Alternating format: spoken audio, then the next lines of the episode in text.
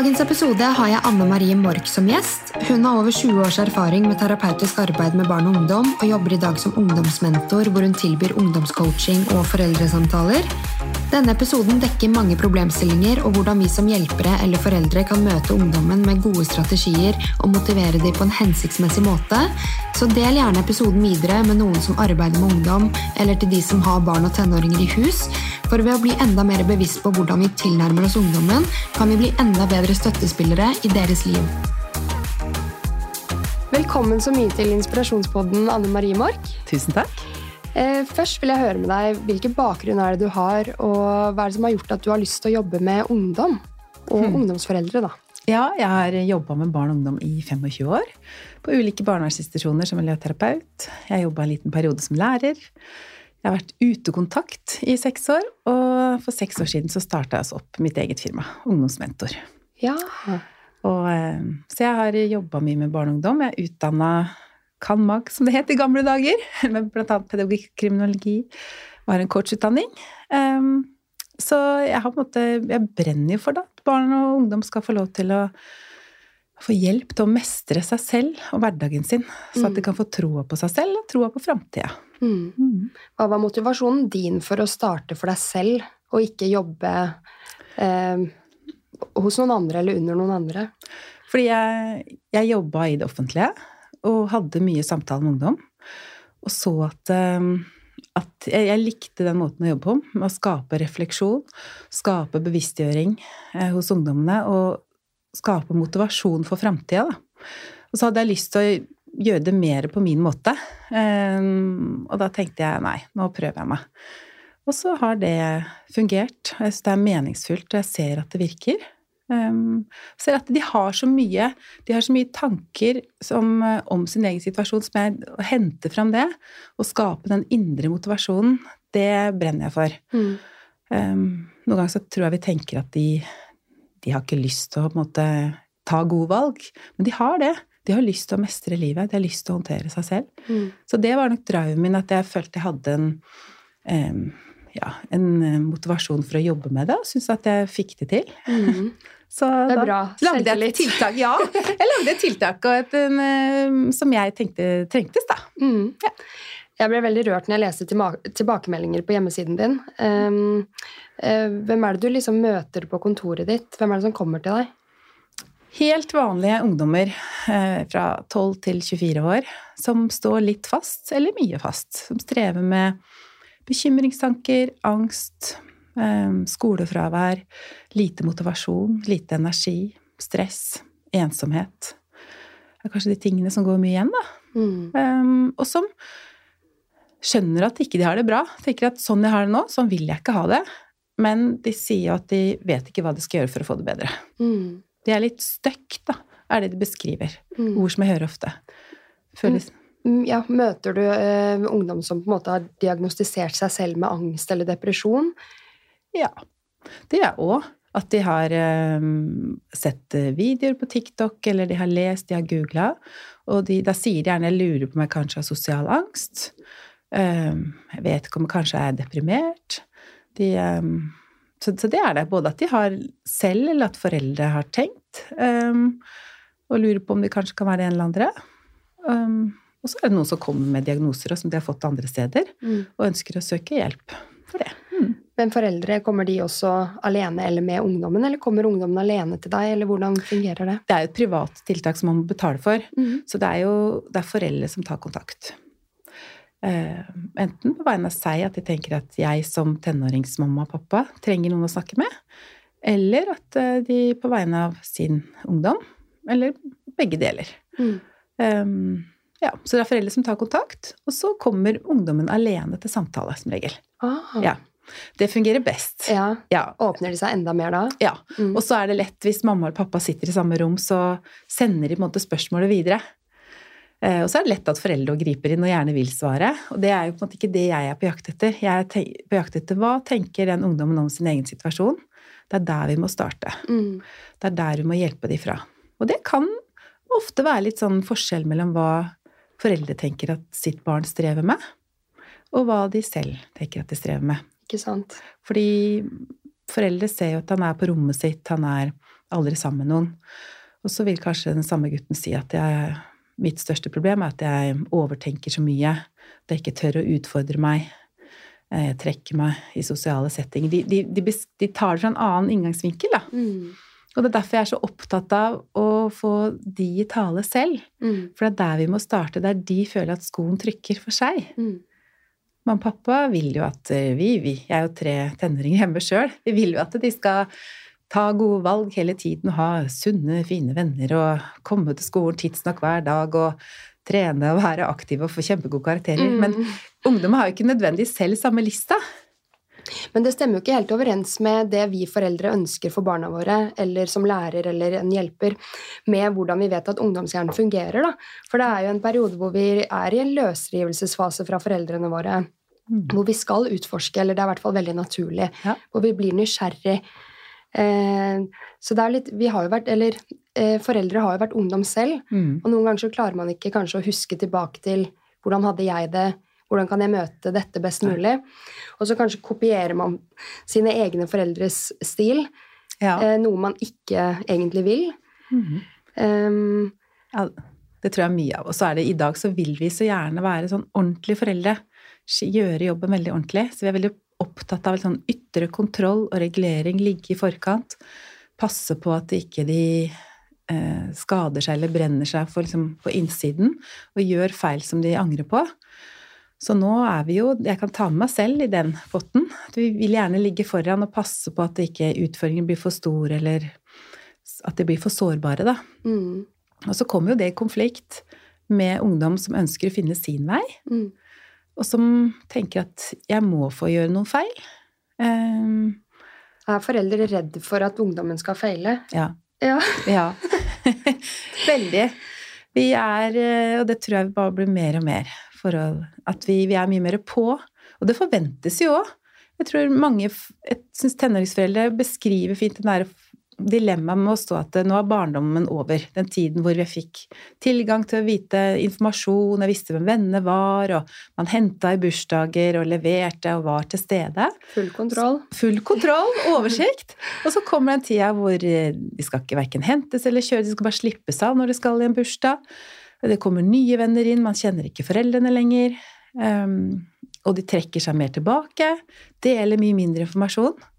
Og så blir man sittende og tenke oi, hm, har hun det egentlig bra inn på rommet der? Hva skjer der ute? Eh, burde jeg vite mer om hva som foregår? Burde jeg gripe inn, eller?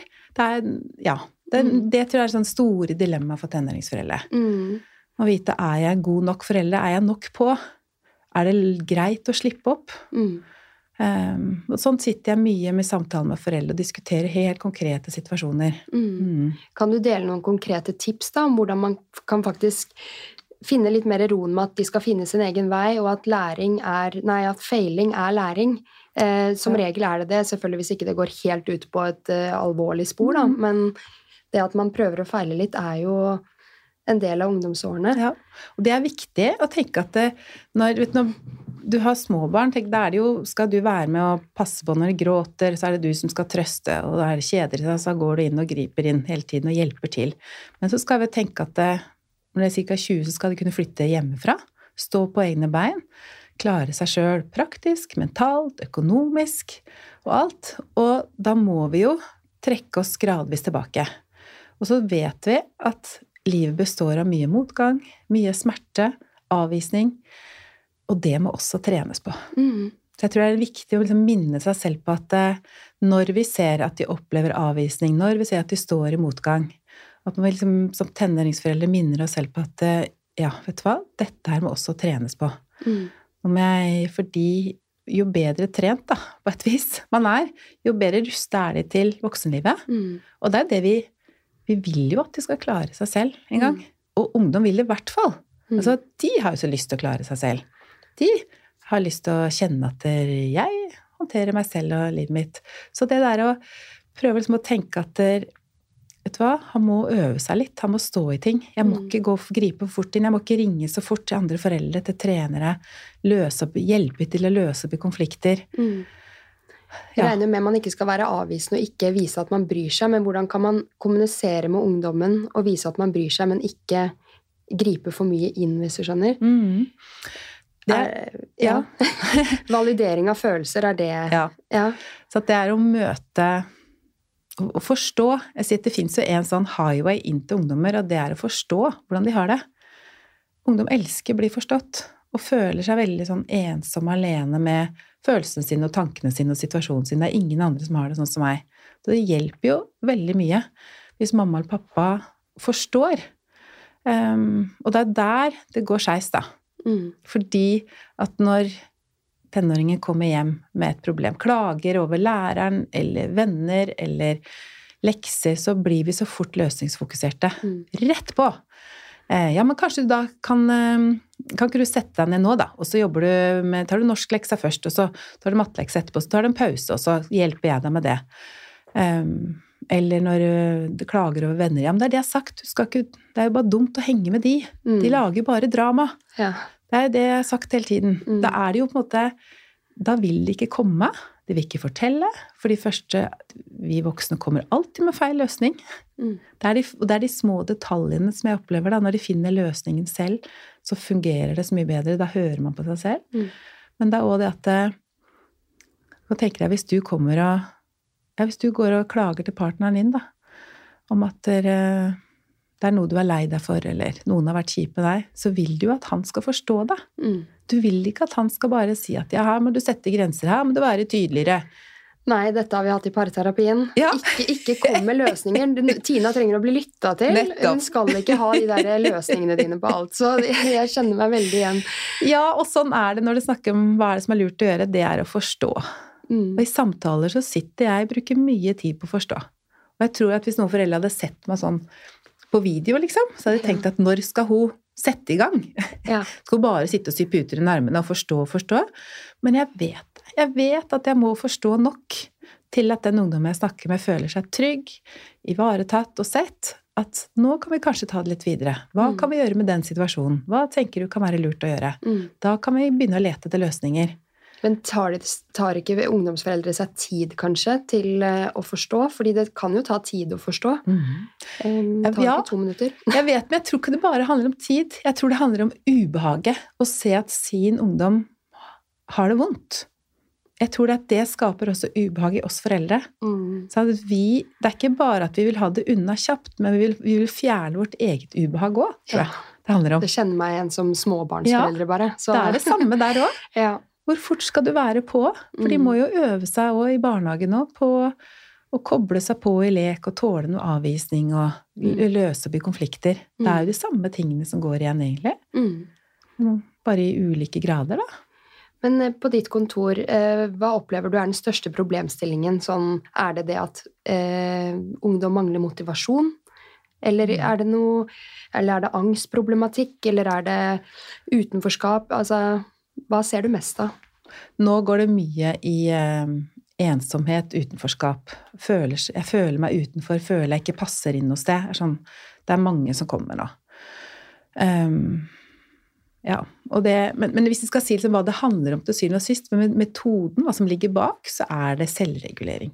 Klare å regulere egne tanker og følelser. Ungdommene strever med at det, det blir, ting blir så stort så fort. Det sier de jo òg. Jeg blir så Småting blir så store i livet mitt. Jeg liker ikke at det er sånn. Så de har innsikt i det, altså? De har så mye innsikt. Ja. Det er, jeg spør alltid 'hvordan er livet ditt nå?' Og da forteller de at de, ja, de er mye bekymra, mye stressa, kjedelige dager, ensformig liv, mangler motivasjon, jeg er mye lei meg, snakker meg selv ned, jeg overtenker mye. Jeg har dårlig samvittighet for at jeg ikke har det bra, er det mange Mm. som sier. Vi har mamma og pappa gjør jo alt for meg, Mm. men likevel har jeg det ikke bra. Det er sånne ting som går igjen. Så liksom, så snakker vi om hvordan de har det, og så snakker jeg om hvordan skulle du ønske at det var. Mm. Jo, jeg skulle ønske at jeg var roligere i tankene mine, at jeg hadde mer normal trafikk i hodet. Skulle ønske jeg hadde At jeg klarte å ta kontakt med andre. Og visste hva jeg skulle si, hva jeg skulle snakke om. Mm. Det er mange som sier. Skulle ønske jeg hadde mer energi, hadde mer motivasjon til både skole og være sosial og trening. Skulle ønske jeg hadde bedre struktur, at jeg la meg tidligere. Skulle ønske jeg var mindre på mobiltelefonen min. Jeg skulle ønske jeg spiste sunnere. Eh, skulle ønske jeg klarte å ta mer plass. Skulle ønske at mamma og jeg krangla mindre. Altså, hører du? Det Mm. er så mye selvinnsikt. Mm. De har så når du spør om hva de drømmer om, så er det på en måte ikke å være kjendis. De ønsker å ha gode relasjoner rundt seg og håndtere seg sjøl og hverdagen sin. Mm. Og dette her kommer fra om de er tolv år, eller hvis de oppover, altså. De, de Ja, de kommer med mye gode refleksjoner. De har mye innsikt når det bare blir trygt nok Mm. til å snakke uten at de føler at de blir dømt, at jeg kommer med løsninger, at det de sier, det er fasiten. Mm. Det er det riktige. De er liksom ekspertene på sitt- liv. Mm. Så kommer det veldig mye gode refleksjoner. Mm. Jeg har jo åttendeklassesamtaler. Jeg snakker med mange elever på skolen min, men i åttende klasse så er det sånn at vi skal ha en helsesamtale med alle som går Ja. på trinnet, én og én. Jeg kjenner igjen mye av det du sier. Eh, mange av de kom, eller alle, kommer jo fra barneskolen, ikke sant, eh, og gjennom sommeren eh, så er man kanskje spent på og gruer seg, hele den pakka der. Så jeg har sett du har lagt ut på Instagram hvordan man kan øve seg litt på at høsten kommer. Ja, Eh, kan du dele litt mer om det? ja. Det, det er bra du spør om. For jeg er jo veldig opptatt av å øve seg på å tåle ubehag. Og jeg må si nå i siste, Det er så mange ungdommer som kommer og sier jeg skulle ønske jeg var mer mentalt robust. Jeg tar så lett til meg kritikk eller kommentarer, blikk. Det blir så stort. Og så ønsker de seg måte, nesten sånn beskyttelseskappe. Um, så det, og det er jeg opptatt av, og hvordan vi kan hjelpe de til å bli mer på et vis robuste, da. Tåle ubehaget. Mm. Um, og det snakker jeg mye om, da, det med å øve seg f.eks. på når skoledagen kommer, når høsten kommer. Så kan man øve seg på mye i løpet av sommeren òg. Eh, som eh, alt, hva som helst. Om det er å stå vannski, eller om det er å gå i butikken og betale med bankkort. Be om hjelp. Mm. Eh, kjøre buss hvis det skulle melde. Øve seg på å ta kontakt med andre. Mm. Øve seg på å hoppe en halv meter eller en meter fra stupetårnet, eller hva som helst. Mm. Tåle det ubehaget, for det er det den derre Den selvreguleringa, der kommer den igjen. Mm. Kjenne at jeg kan håndtere meg selv også når det begynner å bli litt ubehagelig. Da vil det bli mye lettere når de kommer på skolen da, til, høsten. Mm.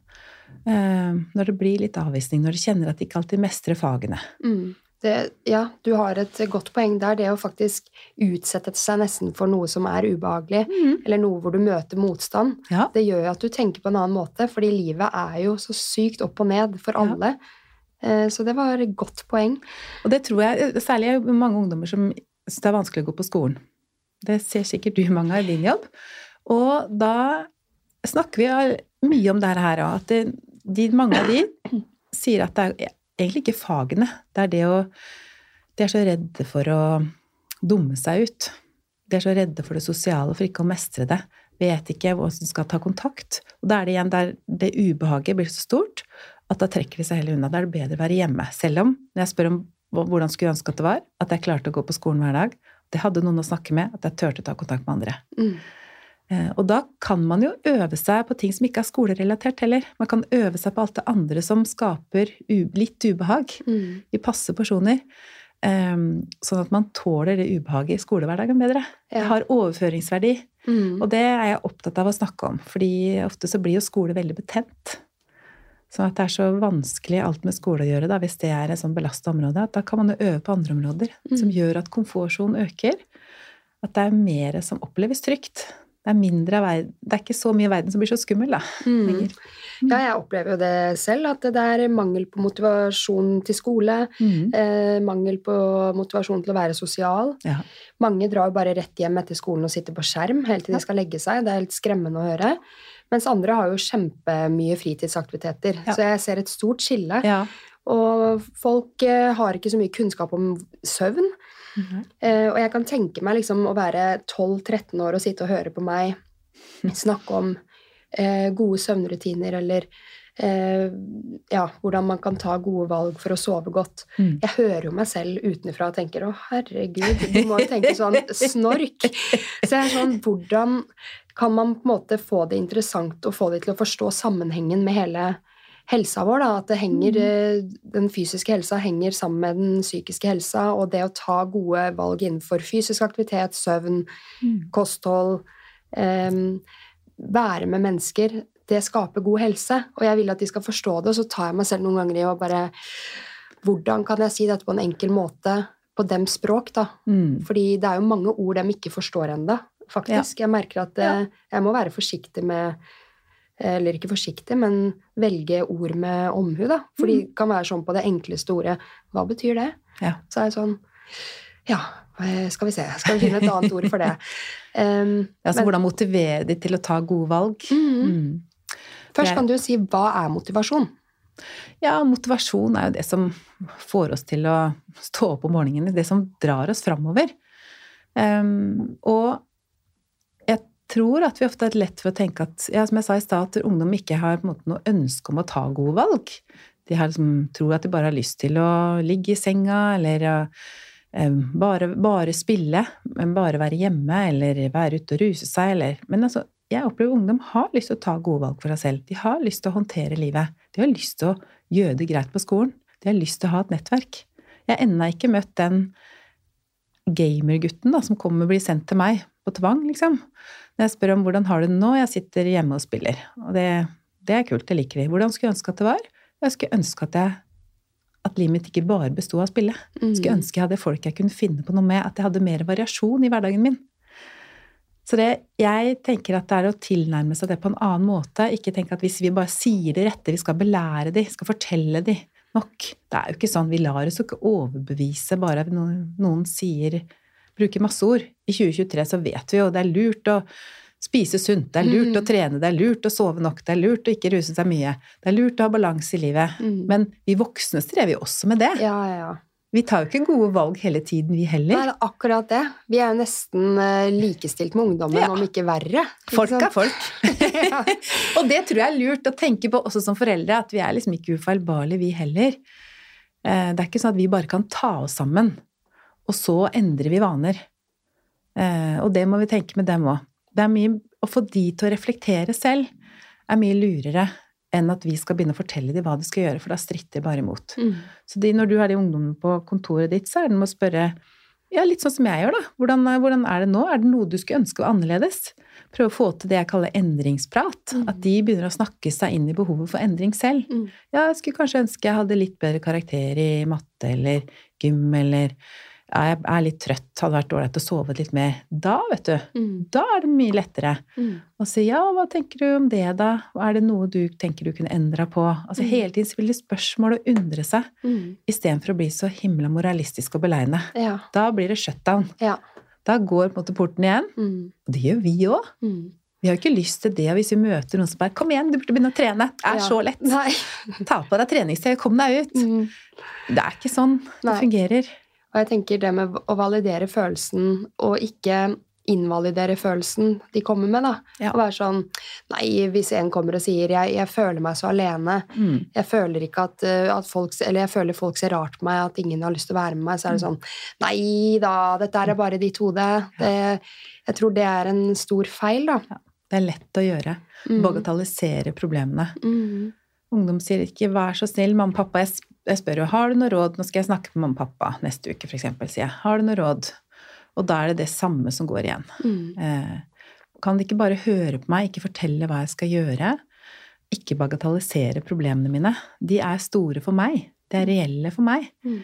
Eh, kan ikke la meg få prøve å finne min måte å gjøre ting på, og hjelpe meg med det, Mm. istedenfor å måte tenke at jeg må gjøre ting på mamma og pappa sin måte.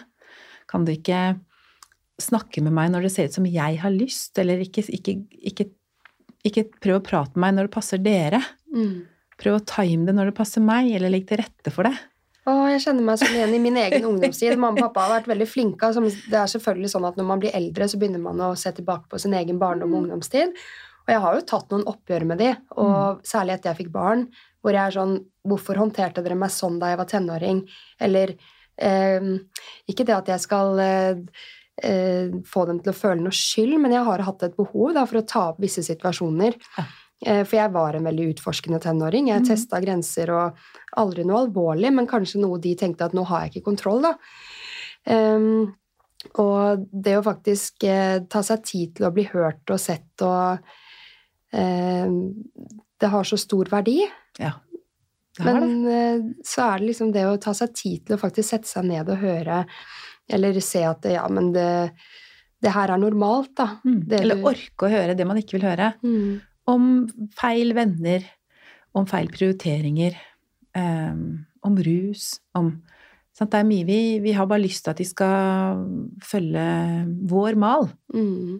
Og så når de ikke gjør det, da Så det å orke å høre på at, dere, at dere tenåringen vil henge med de som er litt utfordrende. Mm. De som tester litt grenser. Hvorfor må du det? Mm. Sånn, Begynne å snakke negativt om nettverk eller sånn. Og da går jo bare junior i, i forsvar. Eh, da begynner man bare å forsvare, fordi ungdom sjøl da vet jo at det nettverket de har, kanskje ikke er verdens lureste eller beste, eller Mm. at det ville vært lurere å lagt seg tidligere, eller Mm. de er for avhengig av mobiltelefonen sin. At de burde øvd mer til den prøva. Mm. De vet veldig godt, av min erfaring, Mm. at de fortjener den treeren. Ja. Eller hva det måtte være. ja. Men når mamma og pappa begynner på en måte å si at men hvorfor øvde du ikke mer, da? Du hadde jo tid. Du Mm. blir jo bare liggende i senga, du bare går ut med venner. Det er ikke rart at du ikke får bedre karakterer. Så begynner han bare å forsvare seg. Du aner ikke hvordan det er, du. Det er kjempe, det, vi fikk en oppgave helt forferdelig. Var, vi hadde ikke øvd på det i det hele tatt, eller vi har ikke hatt om det eller Så er det kanskje bare Egentlig så er det ikke sant, men når man bare må forsvare seg. Mm. Istedenfor hvis man møter med sånn forståelse Uff, nei, ja, det var kjedelig. Jeg skjønner at du ble skuffa for en Ja. treer. Uh, ja, æsj, det var kjipt. Og Mm. liksom bare ta seg litt tid. Ikke si så mye. For da Mm. kan det jo være lett større sjanse for at han sjøl kan si at eh, ja, jeg kunne jo ha lest mer. Ja, ikke sant at det kommer fra dems munn. Ja. Men når noen andre voksne eller dine egne foreldre bekrefter det du egentlig føler selv, verste Det er det verste! Da, det da verste. forsvarer vi oss med nebb og klør. Ja, Selv om vi vet at det var uklokt. mm. Og det gjør vi voksne mennesker òg. Mm. Jeg har hørt om en modell du bruker i samtalene dine. Kan du forklare litt om den? Ja, jeg bruker jo eh, noe som heter, jeg kaller for mestringsmodellen. Altså det er mestringssirkelen. Der er det tre sirkler. Innerste er, en, er grønn, og jeg kaller er komfortsone. Det som er trygt og overkommelig. Um, som gjerne er å være hjemme på rommet, da. Spille, uh, se på serier. Det er det ungdom ofte sier. Det er, det er komfortsone. Og utenfor der, så rundt der og utenfor, så ligger altså utviklingssonen. Her begynner motstand å komme. Her er det som er tungt og krevende og kjedelig. Her trenger vi motivasjon. Vi trenger ikke å motivere ungdommene våre til å ligge, være hjemme på rommet og spille. Nei. Eller på serier. Det skjer automatisk. det, det skjer helt av seg sjøl for de Mm. fleste.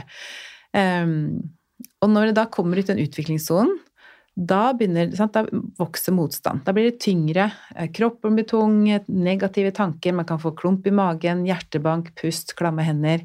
Det blir også mer sånn fysisk ubehagelig, da. Mm. Og verre jo lenger ut man kommer. Og helt ytterst så ligger en knallrød panikksonen. Da alt er for stort og uoverkommelig. Skal aldri gjøre det igjen. Hva er for eksempel det? Ja, og det er jo et bra spørsmål, fordi at dette varierer jo så veldig. Mm. Eh, fordi vi foreldre har jo en tanke om hva ungdommene våre burde mestre, hva de burde få til. Eh, på den alderen så tok jeg ansvar for meg selv, og jeg klarte å komme meg opp om morgenen og Ja. smurte matpakker og eh, sant? Og så tenker man at det burde poden også klare. Eller være sosial. Men så er det jo eh, Det er veldig ulikt, da. Noen ungdommer har en veldig liten komfortsone. Det er bare det kanskje være hjemme og spille som er trygt, mens andre er det jo komfortsonen å gå på trening, å gå på skole, å være sosial og gå på fest. Um, men har man en veldig liten komfortsone, så går det jo veldig fort ut i fra komfort til panikk. ja. Det kan da være Man kan bli bedt i en bursdag med noen få venner og tenke det er overkommelig for meg. Kanskje ikke komfortsone, litt utviklingssone, men plutselig så dukker opp en annen person som man ikke kjenner. ja. Og da smukk er det panikk Mm. for noen. Mens andre vil gå på en fest med mange ukjente og tenke hei, kjempekult! Ja, for jeg kjenner meg igjen i det at jeg elsket jo det. Mm. Eh, mennesker har aldri skremt meg, på en måte, men så hadde jeg venninner som likte det intimt og lite, og at de stresset med en gang det ble 15 stykker som skulle bli invitert til en bursdag. Ja. Så vi har veldig forskjellige grenser der Ja, på hva som er eh, krevende og skummelt. Og... Mm. Men ja, hvordan ja. Nei, altså er, For noen er jo matematikk, eksempel. Noen er kjempegode i det og vil elske å utfordre seg. og liksom Grubleoppgaver er en, eh, en ordentlig Sånne mattenøtter er nesten komfortsone.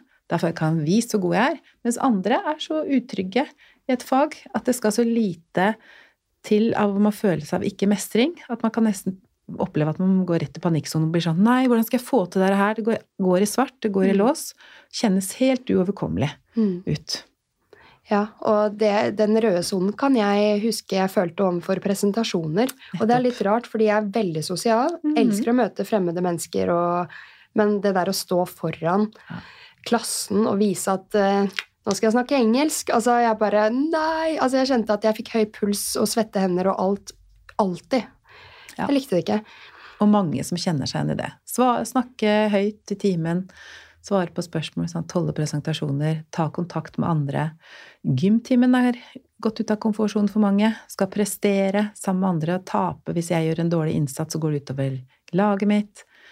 Ja, det er Mm. uh, Men hvordan kan foreldre motivere ungdommer til å gjøre noe som er krevende eller kjedelig? For det første så er det jo det å tenke hva er komfortsone, utviklingssone og panikksone for mitt barn? Ja. Altså å akseptere at ok, for han er det så krevende å være sosial, eller å bli med på noe.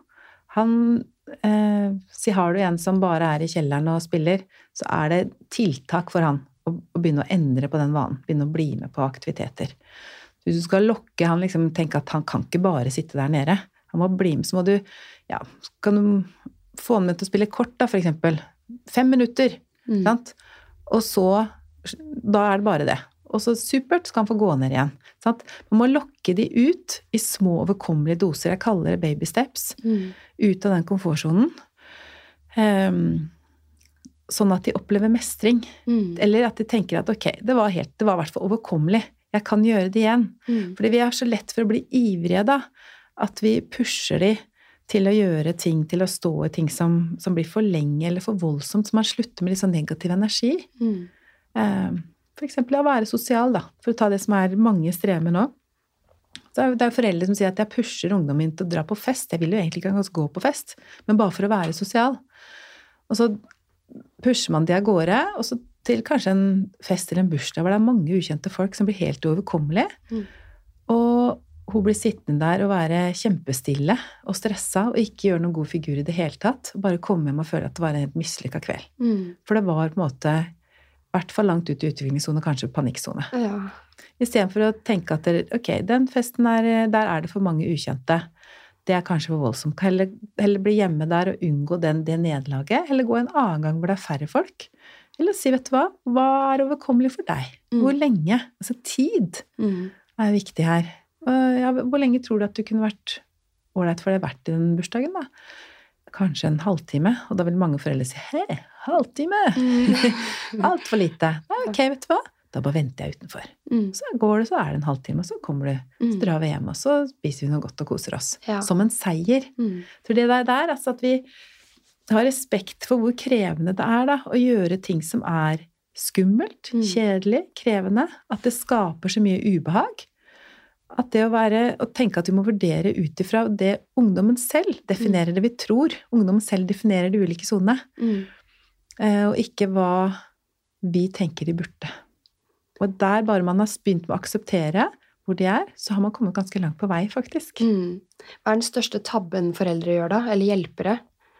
Ja, det er på en måte to sånn foreldrefeil, tenker jeg, det er feller å gå i. Der, eh, det som er mye av i dag, er jo på en måte å prøve å holde barna våre mye i komfortsonen. Sant? Som vi snakka litt om i stad, unngå ubehag, skjerme de fra det som er krevende og vanskelig og kjedelig. Og hjelpe de på en måte utenom ubehaget, ikke gjennom. Um, og da krymper blir jo den komfortsonen veldig liten. Mm. De opplever veldig sånn få seg sånn Yeah! Fikk det til! Kjenner at de vokser, og kjenner at de får troa på at de kan takle seg selv da, i krevende situasjoner. Mm. Um, og det, der er det mange som har det. Jeg opplever at vi har mange ungdommer som er utrente på, på selvregulering, utrente på å stå i ubehagelige situasjoner. Mm. Det tror jeg er en av grunnene til at vi har mange som sliter med, med psykiske plager i dag. Um, så det tror jeg er en stor felle å gå i nå, å på en måte ikke pushe de ut. Uh, eller å pushe de for mye. Mm. Og si ja da, kom igjen, Mm. det klarte jeg da jeg var på Ja. din alder, det må du få til. Ikke sammenligne seg med hvordan man selv var som ungdom. Mm. Gode råd. Um, og så er det jo sånn at overgangen kan være veldig krevende for foreldre. Enten ungdommen skal um, begynne på et nytt studie, eller bytte skole, eller ja, ny klasse osv. Ja. Um, hvordan eh, opplever du at foreldre uh, står i det at barna skal gjennom en overgang? Er det, er det tøft for de, eller? Ja, mm. det er det. Jeg tror mange gruer seg til det. Og så er man Jeg tror mange er litt sånn usikre. Hvis man har barn som gruer seg f.eks. til å begynne på ungdomsskolen, så er det mange foreldre som er, opplever kanskje er litt redd for å snakke om det, for man er redd for å gi næring til frykten. Mm. Og så ender det opp med at de begynner på ungdomsskolen, og så har man man ikke forberedt litt på hva som kan komme. Um, og så blir de helt overraska, og da er det lett å tenke oi, det var ingen som sa til meg at dette kunne gå, bli vanskelig. Da må mm. det være jeg som ikke Da må det være noe feil med meg. At man mm. tar på en måte skylda på seg selv. Istedenfor å normalisere at ja, nå skal du begynne på ungdomsskolen, da kommer det barn fra elever fra andre skoler, nå blir det nye klasser, noen er kjente ukjente. Mm. Hva tenker du om det? Så drive med mentaltrening, da. Mm. Se på idrettsutøvere. De, de forbereder seg for konkurranser tenker hvor kan det komme, hvor, hvor er det vanskelige svinger, eller ja. hvor, kan det bli, eh, hvor kan det bli utfordrende? Mm. Går gjennom løypa i hodet og fysisk, og, sånn at hjernen er forberedt. Mm. Da er det mye lettere å, og når man kommer i situasjonen, tenke å ja, ja, men dette har vi jo snakka om. Mm. Så det å tørre å snakke om ting som kan bli vanskelig, det gir ikke noe næring til frykt For når vi er rolig. Tvert imot, da tenker vi at det, Eh, jeg har tro på at du kan klare det, men mm. det er lurt å snakke om det på forhånd. Mm. Og ikke gjøre det så stort, så skummelt. Mm. Um, det tror jeg er en viktig ting. Å snakke om vanskelige situasjoner som kan komme. Mm. Og samtidig, når de da kommer, og er uh, kjempelei seg fordi det er ingen å være sammen med. Alle de andre um, sitter sammen, og ingen svarer når jeg spør, ingen hører på meg, ingen bryr seg om meg, jeg har ikke noe sted å være. Um, og beholde roen da. Mm. Um, men jeg opplever også ungdommen som har folk å være med, men de føler seg ensomme i vennegjengen. Ja, ja. De kan sitte og gråte på mitt kontor, og mm. uh, utad ser det ut som at de har masse venner, mm. men de føler seg ensomme alene, og at uh, en av de spørsmålene i helsesamtalene jeg har, da, det ja. er jo uh, har du en eller flere venner du kan stole på? Og det er overraskende mange som ikke har venner de kan stole på. Nei. Og da føles det jo ensomt, og så føler jeg at det er vanskelig for ungdom å eh, gå sin egen vei. Ja. De, de, er så redde for å gjøre eh, noe som er utenom det de fleste andre gjør. Ja. De, de, tar valg som vennene tar, og ja. går på fotball fordi venninna går på fotball, eller mm. begynner på den videregående skolen fordi det er der alle de du er vant til å være med, går, da. Ja. Um, ja um, hvordan kan man på en måte få dem til å forstå at det er ikke farlig å gå sin egen vei og ta, eh, bli kjent med sine egne verdier, og ikke ta valg basert på hva alle andre gjør?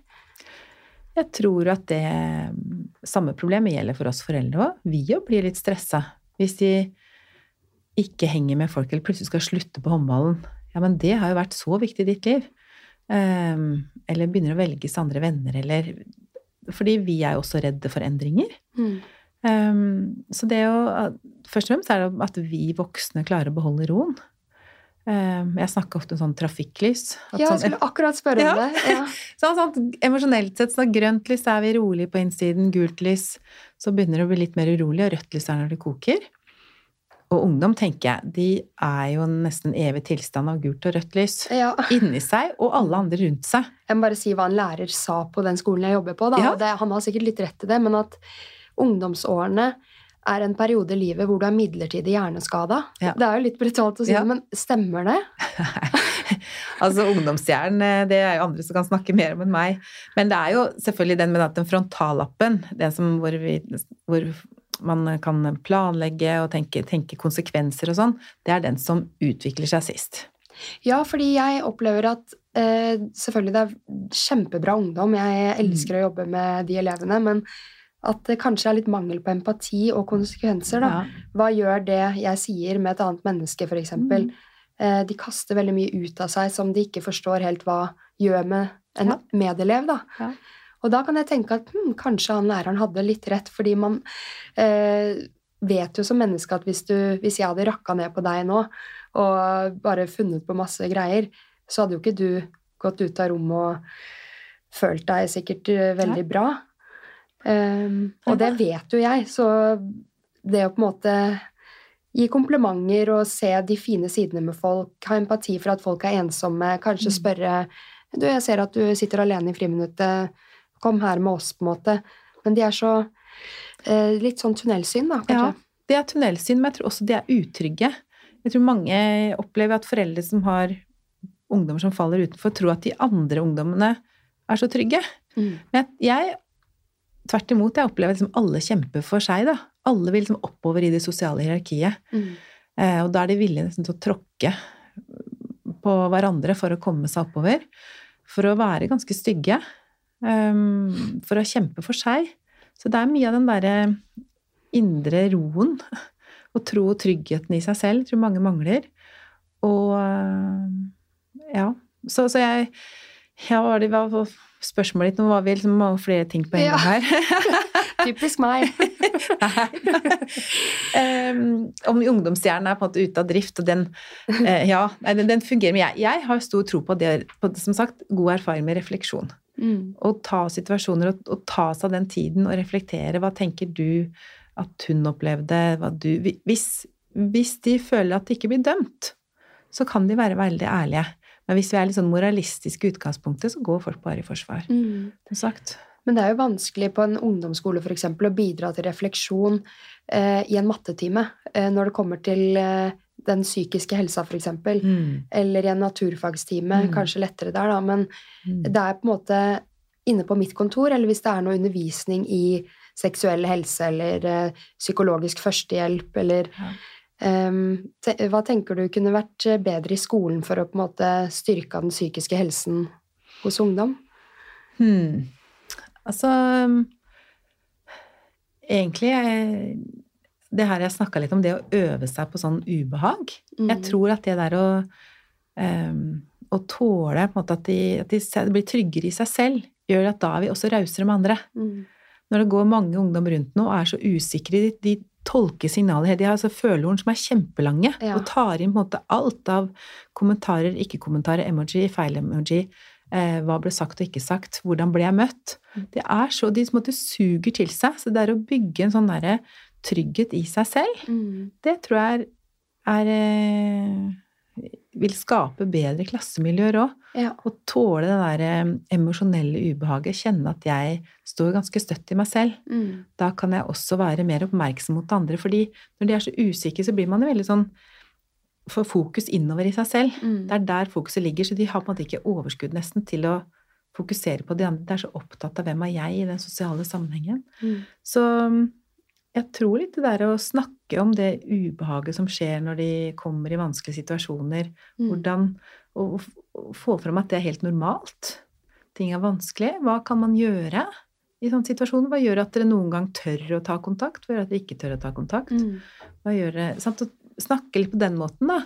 Um, for, også fordi jeg tror at det er en Hvis man begynner å snakke om psykisk helse Nå Ja. skal vi snakke om psykisk helse, dere. Ja. Så har du på en måte mista veldig mange. ja. Det er veldig usexy. De, Ja, de vet jo ikke alltid hva psykisk helse er. Nei. Men? Så jeg tenker man liksom, jeg prøver i hvert fall i samtaler eh, å ikke lage det så tungt og så trist, og du som strever. Lage det sånn lettere å snakke om at eh, Å finne en måte når, når klarer du å ta gode valg for seg selv, når klarer du ikke å gjøre det? At det å også snakke om når de lykkes, da. Mm. Når de klarer å håndtere seg selv, og opptre på en måte som de er fornøyd med. Det er også veldig mye god læring i det. Ja. Jeg må finne måter å snakke om, om psykisk helse på, på en Mm. måte som er ja, litt mer sexy, for å si det sånn. Ja, altså litt mer en inngangsport da, som gjør at de Mm. kan kjenne seg igjen. For det er mange som ikke går rundt og tenker at de har dårlig psykisk helse. Mm. Men de kan bli stressa, de kan bli redde, de kan føle seg utenfor. Det kan veldig mange kjenne seg igjen i. Mm. Og da tenker jeg foreldre har et ansvar, lærere, Ja. helsesykepleier. Ungdommen skal ikke finne ut av dette alene. Nei. Jeg tror ikke det går. Nei, og det er det jeg opplever, at de, sant, de føler seg da. De sier at de har det ikke bra. Mm. Men sa i starten at men jeg vet ikke hva jeg skal gjøre. Vi må hjelpe de til å se at de har påvirkningsmulighet på sitt eget liv. Mm. Det er, det er alltid mulighet til å få til endring. Mm. Vi er ulike hvor sosiale og utadvendte vi er, men det er alltid mulighet å skape endring fra der du er. Mm. Og det er en veldig viktig del i samtaler, er å skape håp. Ja. Um, og, og si at vet du hva, dette er mulig å gjøre noe med, det er ikke noe quick fix. Mm. Men jeg forklarer modeller og snakker om hjernen som trenger å trene seg og øve seg, og da vil ting bli lettere. Og Mm. da blir det liksom Når de får håp, så har de også lyst til å Da, da får, kommer motivasjon, da. Da er det vits i å ta seg sammen. Mm. Fordi hvorfor skal jeg orke å jobbe noe med matte eller eh, samfunnsfag eller hva det måtte være, hvis jeg, hvis jeg eh, blir hengende etter allikevel? Ja. Jeg kommer aldri til å bli bedre. Mm. Klarer ikke å følge med. Men hvis vi begynner å starte liksom ett sted, som er kanskje å følge med i timen eller ta notater, eller Mm. hvor jeg kjenner at jeg begynner å ta noen steg framover. Mm. Det å skape håp syns jeg var bra du nevnte, fordi mange har jo vært gjennom også mye tøffe ting da, i barndom og Unnskyld. I ungdomsårene.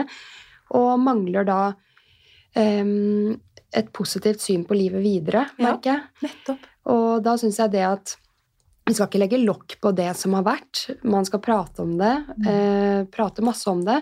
Men også eh, hva ønsker du videre? At Ja. det er en fremtid, da. Fordi eh, mange mister jo håpet på fremtiden Mm. ved at barndommen deres ble ødelagt på et eller annet vis, eller Ja. Mobbesituasjoner, mobbehistorier. Åh, ja. Mm. Det har kommet så fram eh, hva barneskoleårene har gjort med ungdomsskoleelevene, da. Ja.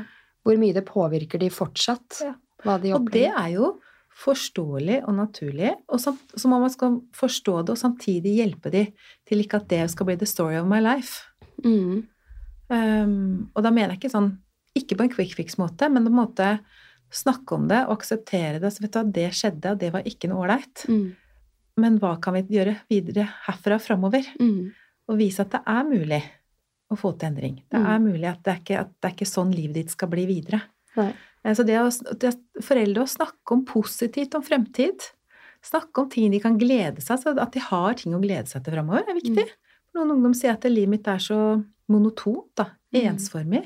Det er ikke noe, er ikke noe variasjon, eksempel. Å hjelpe de til å lage ting, da, Mm. som, som man har ting å glede seg til. Å snakke om fremtid på en positiv måte.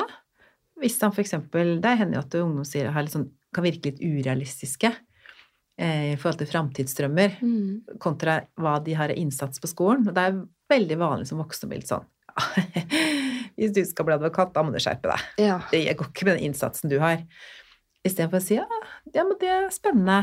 Hva er det som gjør at du vil bli advokat, da? Mm. Hva er det, hva er det som lokker deg til det? Det kan jeg tenke meg at du er god til. Du er jo veldig sånn rettferdighetssans eller flink til å snakke for deg eller argumentere. Hva fremmer de positive sidene. Ja, og Mm. så kan man liksom etter det skal man begynne å si er det vanskelig, vet du noe om hva, hva er snittet for å komme inn på jus? Mm. Eller spille litt dum og undrende. Mm. Um, så at, så at det, det, det er sånn jeg jobber. Sant? jeg snakker om hvordan har du det nå, hvordan ønsker du å ha det, og så snakker jeg om hvordan ønsker du å ha det lenger fram i tid. Fem Ja. år fram i tid. Og så spør jeg er du på vei dit du ønsker, eller tenker du at du må gjøre noen endringer? Mm. Og da har de alltid gode tanker om det, så gode refleksjoner. Ja, jeg er nødt til å gjøre noe. Jeg har lyst til å være mer trent, jeg har lyst til å få bedre karakterer eller ha flere venner. Jeg må jo ta tak i noe. Mm. Og, så da kan vi, og da er det mye lettere å si hva kan det vært? Hvor er det, hvor er det lettest å starte? Mm. Gode råd, ass. Herregud. Men jeg, jeg føler jo at noen ganger så er foreldre også litt urealistiske med å si at du kan bli akkurat hva du vil, Ja. eller eh, Mm. at du kan få til akkurat det du vil. Kan man det, liksom? Eh, er det et godt eh, sted å starte? Ja, jeg, synes, jeg, jeg liker ikke helt den formuleringen. Jeg liker liksom å formulere framtidstro, men ikke som en sånn Ja, du kan bli ja, hva du vil. Du, blir sånn, ja. Eh, Men jeg, jeg liker å ta utgangspunkt i det med strømmer. Hva, hva, hva drømmer du om? Mm. Hvis du fikk si Når du var 25 år, leve akkurat sånn som du ønska å leve, hvor bor du da? Hvem bor du sammen med? Mm. Eh, hva, hva jobber du med? Det trenger ikke være sånn akkurat hva slags studie, men hva slags liv har du? Hva Mm. gjør du med vennene dine? Eh, hvor har jeg deltidsjobb? Hvor enn da? Nei, da Mm. ville jeg kunne tenkt meg å jobbe på et sted som lager god mat, liksom. Ja, Mm. kult, liksom. Eller selger kule sko, eller Mm. Men tenker du det er utelukkende positivt at man snakker mange år fram i tid? For noen ganger så Jeg husker jo selv at jeg syntes det var vanskelig. Mange hadde jo tanker om at jeg skal bli lege, og jeg skal bli ditten og datten. Jeg Mhm. visste aldri hva jeg skulle bli. Det ble tilfeldig at det ble sykepleien. Jeg angrer ikke på det i dag. Men jeg jobbet på sykehjem i fem år, og så fikk jeg høre fra folk rundt meg at du er så flink med mennesker, du burde søke sykepleien. Og så gjorde jeg jo det, men jeg har jo funnet ut på veien at eh, herregud, så mange ganger jeg har vurdert å gå bort fra det yrket. Em, og prøvd å komme inn på videreutdanning som er vanskelig, eh, men likevel fått jobb innenfor det jeg vil jobbe med. Ja. Eh, så veien blir jo også til litt mens man går, og livet er dynamisk, og man kan endre tanker på livet og synet på ting Ja. eh, fra det ene året til det andre. Så er Ja. det Ja. Jeg skjønner, og det er viktig, bra, bra poeng. Fordi når jeg snakker med ungdom, sier jeg at vet du hva, nå, nå bare drømmer vi sammen her. Det er jo ikke sikkert at du ender opp eh, med den, den jobben, men det er ikke så farlig. For målet er jo bare at de skal ha en positiv tanke om fremtid. Mm. Det er det som er greia, for jeg er egentlig ikke så opptatt av studie, eller Det er hvis de spesifikt kommer og ber om hjelp Mm. til å velge studieretning, eller Men ellers så Så jeg, jeg dveler ikke så mye med det, men hva slags type liv, da? Mm. Hvor bo, bor du? Håper du at du har kjæreste, samboer, kjæledyr? Og det er ofte det. Sant? De drømmer om å ha gode relasjoner, gjerne ha en kjæreste, gjerne ha et kjæledyr, Mm. eh, og mestre hverdagen sin, ha gode Mm. venner. Um, så, så det er mer det liksom pakka rundt, da. Mm. Ikke akkurat hva de skal bli, for det, er de, det syns de er vanskelig. Det er Mm. bra du spør om, for det er et litt sånn betent tema, egentlig. Ja. Og det er litt interessant, for jeg hadde podkastinnspilling med en eh, fyr som fronter veldig eh, det med psykisk helse og holder foredrag rundt på ungdomsskoler i landet, da. Eh, Snakka med han forrige uke, og eh, hans drøm nå er jo å bare kunne bli invitert på en middag og få seg gode relasjoner. Mens på Instagram så har jo han delt et liv som veldig mange andre vil ha. Ja. Som fordi han har valgt en vei som er veldig kul og inspirerende. Mm. Men den ensomhetsfølelsen han har hatt gjennom alle de ti årene, da. Mm. Um, så han ønsker det enkle som veldig mange egentlig har nå. Det, det å kjenne på mestring eh, med relasjoner. Mm. Eh, mens folk drømmer seg bort i hans liv med å seile og um, bo på en seilbåt Ja. og ikke sant. Men jeg opplever jo i samtaler at det kommer jo ikke noe sånn kjendiseri eller sånt. Nei. Det som kommer, er jeg bor i leilighet eller rekkehus eller ja, samboer, god kontakt med familien. Mm. Mye kjæledyr ute og går. Ja. Ja. sånn, Ha det trygt og godt. Gode relasjoner. Mm. Er det, det er det som kommer. Mm. Så så jeg opplever at sånn sett de er egentlig reflekterte der òg. Vi tror at de bare liksom skal synes og høres og bli stjerner. Mm. Men når det blir spurt på ordentlig måte, så er det noe annet som kommer, eh, opplever jeg, da. Mm. Men ensomhetsfølelsen, den eh, er jo sikkert noe du møter mye på. Mm. Og jeg også møter mye på det. Mm. Em, hvordan kan vi som hjelper eller foreldre hjelpe ungdom som opplever den intense ensomhetsfølelsen? Uh, ja, det er liksom to ulike det. Om det er en opplevd ensomhet, som du sier, være ensom i et fellesskap, eller være ensom fordi man ikke har noe, er noen del av fellesskap. Det er jo to ulike ensomheter. Ja, det veldig, ja, det er det. Eh, Så tenker, hvis du ikke er del av fellesskap, så er det det å begynne å øve seg eh, på å ta mer plass. Sant? Å finne små måter å Noen Jeg har ungdom som ønsker seg større nettverk, eller nettverk i det hele tatt. Og da snakker vi om hvor kan du begynne å øve. Og for noen er det å begynne å rekke opp hånda i timen. Mm. I trygge timer for å øve seg på at stemmen skal bli hørt. Eller ta mer plass. Em, og etter hvert begynne å si hei, smile, ta kontakt. Um, sette seg litt nærmere andre, være med tilgjengelig. For mange trekker seg jo unna òg, fordi man blir så redd. Mm. Så den ensomhetsfølelsen, tenker jeg, da er det jo å øve seg på den derre kontaktsøken sånn litt og litt. Og ikke- Eksponeringsterapi, nesten. Rett og slett eksponeringsterapi i Mm. bitte små, overkommelige doser. Mm. Uh, Sånn at de opplever mestring. Og i samtalen med meg så lager de seg planer. Hva kan du øve på til neste gang? Da, hvem kan du ta kontakt med? Hvem kan du kanskje sitte sammen med noen i spise, når du spiser, eller Mm. spørre om noen kan være med og gå i butikken, eller Mm. sånn, Prøv å øve seg på de, de som er mest trygge eller minst skumle. Ja. Mm.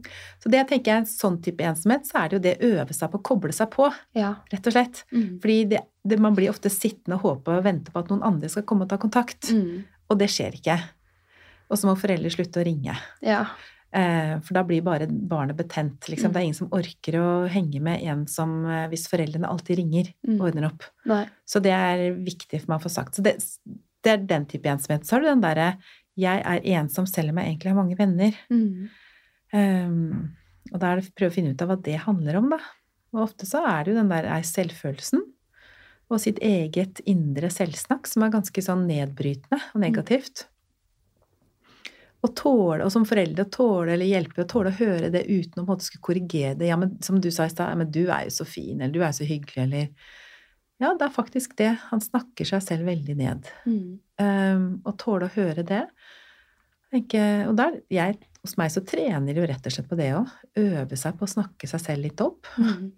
Men det Hva kommer fram da, da, for eksempel? Nei, det minner de seg på hva de har gjort i andre situasjoner. Jeg har jo klart jo, når, når de har mestra på idretten, eller andre ganger de har klart å ta kontakt, eller komplimenter de har fått, eller som de leter etter ting som eh, som de kan tro litt på, da. Mm. Ikke sånn 'nå skal jeg tenke kjempepositivt, Nei. jeg er en verdensmester'. Mm. Ikke sånn, for det, det er på en måte helt urealistisk. Jeg snakker om at det å Positivt selvsnakk er også en treningssak, Mm. på lignende med muskler og kondis og andre ting. Mm. Det er veldig fokus på i samtale med ungdom at eh, jeg vil at de skal føle seg bra nok. Fordi det er det det egentlig handler om for alle mennesker, enten vi er voksne, gamle, barn. Vi ønsker å være bra nok. Ja. I parforholdet også. ja. Eh, Vi vil bare føle oss bra nok, og um, prøver å på en måte fortelle dem at skolen er en del av livet. Det er viktig selvfølgelig å være til stede og prøve å gjøre så godt man kan, men ikke sammenligne deg med karakterene du får, da. Det er så lett å vurdere sin egen verdi ut ifra ok, jeg får toer og treere, Mm. snakke seg selv ned. Mm. Men jeg prøver alltid å si at du er uansett bra nok sånn som du er, og skolen skal ikke definere hvor bra du er, på en måte. Nei da. Og det er viktig. Jeg hører Det er liksom veldig sånn inn å snakke om det som foreldre hele tiden, være bra nok. Men hvis ungdommen opplever at det er et gap mellom der de er og der de ønsker å være, så er de misfornøyd uansett, da. Mm. Så jeg tenker det er noe med å hjelpe de å se hvor er det, hva er det det gapet handler om? Er det noe vi kan ta tak i? For hvis man opplever at det er et gap, kanskje et stort gap, så hjelper det ikke å bare si at jeg skal være bra nok. Nei. Um, fordi jeg opplever at vet du hva, ja, jeg kanskje skal være bra nok, men jeg har så lyst på venner. Mm. Det hjelper ikke å bare sitte her på rommet og si jeg er bra nok, Nei. for jeg er så ensom. Mm. Eller um, ja, jeg er så stressa. Ja. Eh, Så det er det å også hjelpe de å ta tak i det de faktisk opplever er et problem. Ja, ja, ja. Mm. 100 Og mange av de som eh, er ensomme også, utenom de som faktisk har venner, men føler seg ensom, Mm. de, det er jo de jeg nevnte tidligere, som eh, drar hjem fra skolen, setter seg på skjerm, sitter, har ni timer skjermtid om dagen, Ja. da. Um, og jeg bare føler de kobler seg så veldig på TikTok, gaming, Snapchat, eh, og så bare tralte livet videre. Men hvordan kan man motivere de til å koble seg på selve livet? Ja, det er jo å prøve Er du, er du fornøyd med det? Så skulle du ønske det var annerledes? Mm. Um, jeg prøver å spille litt sånn dum, da. Ja, du, du spiller mye. Jeg skjønner du er blitt ganske god, du da sikkert. Ja, det er jeg. Ja, Mm. ja men så kult. Liksom det, det er, du, er du fornøyd med det? Mm. Um, eller skulle du ønske at Er du fornøyd med å spille så mye og være, at det er det du liksom er god til, eller er du skulle ønske annerledes? Nei, og da er det jo vant til at det kommer Nei, ja, skulle kanskje ønsket at jeg hadde noe annet å gjøre òg. For det blir ofte en flukt, da. Mm. Skjermen, det er det som er litt dumt nå, men at nå har vi på en måte de, Ungdommen har en fluktmulighet. De kan gå inn i en annen verden fordi den er så tilgjengelig. Før så satt man der på rommet og kjeda seg, Ja. eh, men nå har man en form for underholdning hele tiden. Jeg merker jo bare med mine egne barn at etter barnehagen så leter de etter fjernkontrollen. Ja. Eh, og vi jobber mye med nå at vi skal ikke ha på TV etter barnehagen. Kanskje noen ganger ryker vi Mm. pga. eh, vi må gjøre ferdig middagen, Ja. eller Men ja, de Det er liksom en komfortsone. Da slapper de av. Jeg har vært i barnehagen, eller jeg har vært på skolen. Mm. Så, så er det liksom skjermen som gir dem ro, da. Ja. Og det tenker, da har jo foreldre et stort ansvar, så lenge barna bor hjemme i hvert fall, til å lære de til å ja, finne på andre ting eh, som også gir mestring, eller Mm. som finner ro på andre måter, sitte og prate sammen. Ja. Ta seg tid til den lange middagssamtalen, da.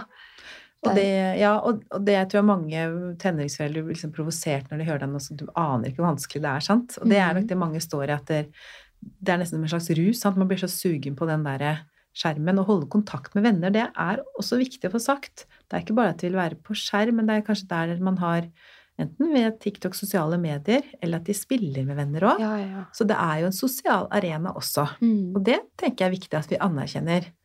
Ehm, men, eh, men det å prøve å trekke de litt ut For jeg snakker jo når, de, når ungdom sier at jeg er så stressa, eller jeg er så lei meg, eller føler meg deppa, eller Så prøv altså å komme inn på hva, hva kan være lurt å gjøre. Det da å eh, Frisk luft eller aktivitet, Ja. og nevne det.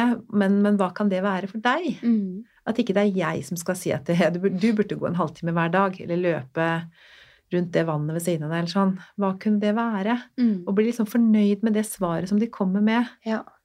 Um, For det er jo ikke alle som har råd til fritidsaktiviteter heller. Nei. Det er mange som ikke har økonomi til det, og mm, da tenker jeg liksom hvilke alternativer kan man råde til eller motivere til?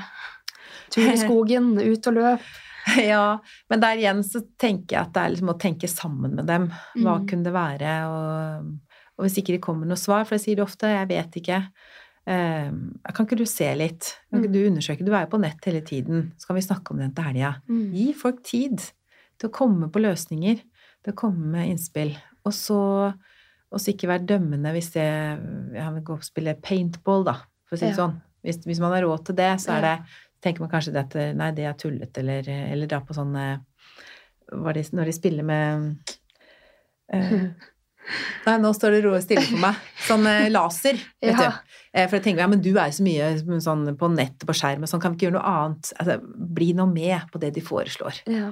Ikke, ikke lag det så viktig akkurat hva det er, at det må, må være langrenn for å være bra nok. Nei. Skjønner. Mm. Men en annen ting som jeg møter ofte, dessverre, og som jeg også husker at jeg kjente på selv som ungdom, det var eh, at veldig mange har skyldfølelse for at foreldrene krangler. Ja. Enten fordi de får beskjed om at det er pga. deg at det er dårlig Mm. stemning hjemme, Mm. eller så er det bare en følelse de får. Mm. Eh, det er veldig trist, da, fordi eh, hvis f.eks. For to foreldre vurderer å gå fra hverandre, og så sitter man som ungdom og føler at dette er min skyld, Ja. er det noe du møter på også? Ja, det er det. De har ikke lyst til å Ikke bare sånn i, i eh, skilsmisse, men i det hele tatt, de har ikke lyst til å belemre foreldrene sine. At vi ikke forteller om mobbing eller kjipe situasjoner. For vi tenker at mamma og pappa har nok. De skal ikke bekymre seg over meg. Jeg skal håndtere ting selv. Det er noe som ofte kommer fram. De har ikke lyst til å være til belastning. tenker jeg. Ungdom har også lyst til å mestre livet. De har lyst til å være noen som fikser, de har ikke lyst til at foreldrene skal se på dem som noen som ikke fikser. Um, så det, ja, det er uh, og, og skyldfølelsen over at jeg ikke har det bra, selv om, selv om mamma og pappa ikke nødvendigvis krangler heller. Ja. Nettopp det at det egentlig det er ganske bra hjemme, men allikevel så har jeg det ikke bra. Mm. Hvorfor har jeg ikke det? Hva er feil med meg? Mm. Men det er veldig lett å legge det på seg sjøl. Har foreldre innsikt i at ungdommen deres eh, ofte har skyldfølelse for et eller annet? Nei, ikke nødvendigvis, tror jeg. Fordi er, eh, vi snakker mye om det med skam da, i samtalen med foreldre. At eh, han skammer seg over at han ikke tar så gode valg. Det tror jeg du kan ta. Han skammer seg over at han ikke har venner. Skammer seg over at han ikke kanskje ikke gjør noe annet enn å bare sitte i kjelleren og spille. Skammer seg over at han ikke kommer seg opp om morgenen eller ikke klarer å gå på skolen hver dag. Eller. Jeg tror ikke du trenger å tvile på det. Og det er fordi jeg opplever at mange foreldre begynner å tvile litt på vil han egentlig mestre livet, liksom. Men si at den ungdommen Jeg jeg tror ikke det er så mange ungdom som liksom ikke, ikke har lyst til bare å være vanlig. Mm. Gå under radaren. Mm. Smelte inn og være som de andre. Fikse det. Ja. Det er det de drømmer om, og det tror jeg er viktig å ha som utgangspunkt. Mm. At det er egentlig det de drømmer om, men de får det ikke til. Mm. Er, møter du foreldre som er skamfulle over hvordan deres ungdom er da? Ja, det er det. Så det er flaut at de ikke klarer å gå på skolen, eller flaut at de Ja, hva det måtte være. Liksom ikke, ikke er som de andre. Man har så lett for å tenke at alle de andre håndterer livet så bra, da. Mm. Hva er det jeg har gjort feil? Siden mitt barn er så stressa eller så redd, engstelig, ensom, hissig, konfliktskapende. Mm. Hva er det for noe med oss? Ja. Jeg har sett at du har lagt ut også at når ungdommen er på rødt, så skal vi foreldre klare å holde oss på grønt. ja. Eh, det er jo vanskelig praksis, da. ja, det er det. Å, herregud. Og, og det, så vi, vi klarer jo ikke å være liksom ufeilbarlige, noen av oss, på det. Men det å, å trene seg på det, det er mental trening for foreldre, da. Mm. Sånn, tenke igjen, Vi vet hvilke situasjoner. Vekkesituasjon, legging, mobilbruk, middag, lekser. Venner, hva er det som går igjen, som Ja. pleier å bli konflikter eller betente? Så tenker jeg foreldre mm, prøv å tenke gjennom hvordan ønsker du å håndtere den situasjonen. Mm. Um, hvordan pleier det å gå, og hvordan ønsker du at det skal gå? Kan du, hvordan kan du forberede deg mentalt? Tenk som en idrettsutøver. Mm. Se for deg hva som pleier å skje, og hvordan kan du klare, hva kan du si til deg selv? Ja, prøve å beholde roen mest mulig. Og hvis du Mm. kjenner at nå er jeg på vei oppover like Ja. mye som ungdommen min, så heller gå vekk liksom, Ja. situasjonen. Og Vi ta det- vet jo at ikke det gjør det bedre. Ja da, vi vet det. Og så er det, det er, Når jeg jobba sånn i akuttbarnevernet på institusjon i mange år og tenkte liksom, når er det akutt? Ja. Og det er veldig sjelden at det er ordentlig akutt. Mm. Det er veldig mye vi egentlig kan vente med. Ja. Men vi blir så emosjonelle sjøl at vi tenker dette, dette må vi få ordna opp i med en gang. Altså Når du selv eller ungdommen din er på rødt lys, så er det bare oi, oi, oi. Ikke, det lønner seg egentlig ikke å kommunisere da. Nei. Vent til det har roa seg, Mm. til du har roa deg selv, og til ungdommen din har roa seg. Og så kan vi ta en kjøretur, prøve å lage litt sånn ålreit stemning rundt. Si du, hva kan jeg gjøre i sånn situasjon det ble Jeg beklager at jeg ble så sint. Mm. Eller at jeg ble så redd, eller hva det måtte være. Jeg, det er ikke noe ålreit. Um, I sånne situasjoner når du blir så stressa eller lei deg, hva, hvordan kan jeg hjelpe deg da? Hva, Mm. hva kan du gjøre, hva kan jeg gjøre? Mm. Hva er det beste jeg kan gjøre, hva er det verste jeg kan gjøre? Ja. Og det å utforske følelsene, det er jo egentlig det du snakker om nå. at- Mm, mm. Å utforske sin eg sitt eget barn da, eller ungdom. Ja. Eh, men så sa du i stad at mange foreldre er nok redd for om de eh, tilnærmer seg for eh, raskt, eller hva du sa Mm. for noe. Og det er litt sånn eh, Når man er små barn, så er man jo de tryggeste. Da er man jo ikke redd for å ta valg for barna sine, Nei. fordi de søker jo deg hele tiden, og Ja. du er bare sånn Du er helten. Ja, ja du er helten. Mm. Eh, Og det er du ikke som tenåringsforelder. Nei, og hva, hva er det som skjer der med foreldre også på veien, som gjør at de eh, er så forsiktige med å ta plass, da? For man tok jo mye plass når barna var små. Da var du sjefen og helten, som du Mm. sier, da. Man møter jo så mye avvisning og konflikter. Og det er vanskelig å vite, hvis jeg setter grenser nå, hva utløser det av et ras Ja. av følelser? Eller utbrudd? Um, eller avvisning, sinne. Det er så mye som kan komme på en helt annen måte enn med barn. Um, så det er jo, mange foreldre blir jo usikre på det å grensesetting, eller hvordan, hvor mye skal jeg spørre? Hvis jeg spør for lite, så virker jeg uinteressert. Hvis jeg spør for mye, så blir det feil. Alt det er jo et minefelt. Mm. Virkelig er å være tenåringsforeldre. Ja. Så man må jo på en måte være litt sånn raus med seg sjøl òg. Prøve å gi, liksom, gi seg selv overskudd og gjøre andre ting òg. For det, det man kan miste selvtilliten Mm. av å ha tenåringer hjemme. De kritiserer, avviser, er kjipe. Ja. Men det er også fantastisk! Ja, ikke sant? Ja. Jeg gleder meg veldig til den tiden, men så er jeg sånn uh, Ut fra samtalen vår og hvordan jeg har tenkt på de årene som kommer, så tenker jeg sånn Dette uh, skal jeg ikke gjøre, og dette skal jeg gjøre. Akkurat som før jeg fikk barn. Mm. Sånn skal jeg være som mamma. Og så er det mange ganger jeg møter meg selv i døra sikkert ti ganger om dagen. Ja. Uh, det har jeg gjort i tre år. Frustrerende, men em, det er jo veldig kloke ting du sier, og egentlig så virker det jo ikke så vanskelig å implementere det i livet sitt. Nei. Men så møter man Man blir trigga selv. Ja. Eh, man går på akkord med sine egne følelser eh, og Mm. tanker og alt. Eh, men hvis du på en måte avslutningsvis, før vi går over på de faste spørsmålene, skal gi de best, altså dine aller beste råd sånn oppsummert til ungdom, folk som jobber med ungdom, da, eller foreldre, Mm. For å motivere de å være en god støtte i livet deres. Ja, stell pent med deg sjøl, er punkt én. Ja. Ja, sant. Du trenger overskudd eh, til å være raus med noen som avviser og er kjipe. Og gjør andre ting så du får avreagert. For hvis det, hvis det bare liksom blir fokus på den en- tenåringen hele tiden, så det blir bare verre. Så, så stell pent med deg sjøl. Og um, prøv å forstå, liksom. Ha fokus på det. Ikke løse. Ikke løse problemer. har heller fokus på å forstå Men ungdommen har det. Da, du, da, da kommer du bedre ut av det. Mm. Mm. Ah, det har vært en skikkelig bra motivasjonsepisode. Den skal jeg dele med alle jeg kjenner som jobber med ungdom, og alle som ikke jobber med ungdom også bør høre den. Mm. Ehm, ja, er du klar for å gå over på de faste spørsmålene, eller er det noe mer du tenker du vil fremme som jeg ikke har spurt om? Nei, du er jo kjempe... Nå er vi ikke på opptak. Du er kjempefin å snakke med, for du, du vet jo liksom hvor skoen trykker sjøl. Ja. Det er så deilig at det er noen som eh, er liksom innafor Ja. temaet. Det er kjempefint. Ehm, hvordan starter du uken best mulig? Aller helst med å trene på sats. Ja. Ja. Hvordan treningsform er det du liker? ja, da er det gruppetrening, for jeg må bli dratt gjennom. Ja. Jeg, hvis jeg skal trene på egen hånd, så gir jeg fort opp. Men eh, gruppetimer er flott. Ja. Hvordan snur du en dårlig dag om til en god dag? Mm. Åh, hva gjør jeg da? Da mm, jeg prøver å ta meg en pause. Prøver liksom å koble litt ut og starte på nytt. Eh, få meg litt luft, eller eh, ta meg noe godt å drikke eller spise, eller liksom ja, gjøre noe hyggelig for meg sjøl, da. Ja. Eh, og, tenke, og, liksom, og mobilisere tankene mine. 'Dette klarer du, Anne Marie. Kom igjen.' ja. Da driver jeg liksom mentaltrening med meg sjøl. Mhm. Dette du fått til andre ting før. Mm. Hva er du takknemlig for?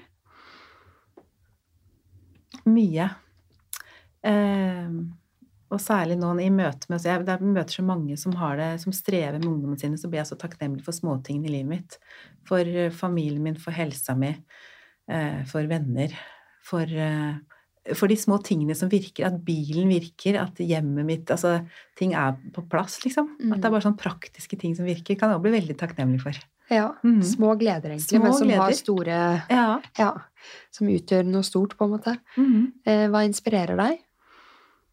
mm, folk som tør å utfordre seg, blir inspirert av ungdommer jeg snakker med, som kjemper, som tar tak, og jeg ser at de Selv om andre kan tenke det er små steg, så tenker jeg wow! Jeg blir så inspirert av at de klarer å snu på ting. Klarer å endre. Det inspirerer meg.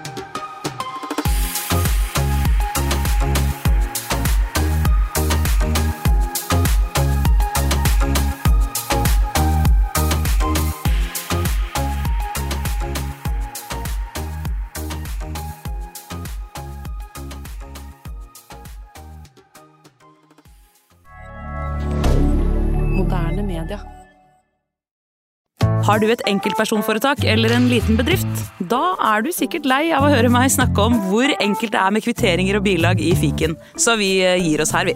Fordi vi liker enkelt. Fiken superenkelt regnskap.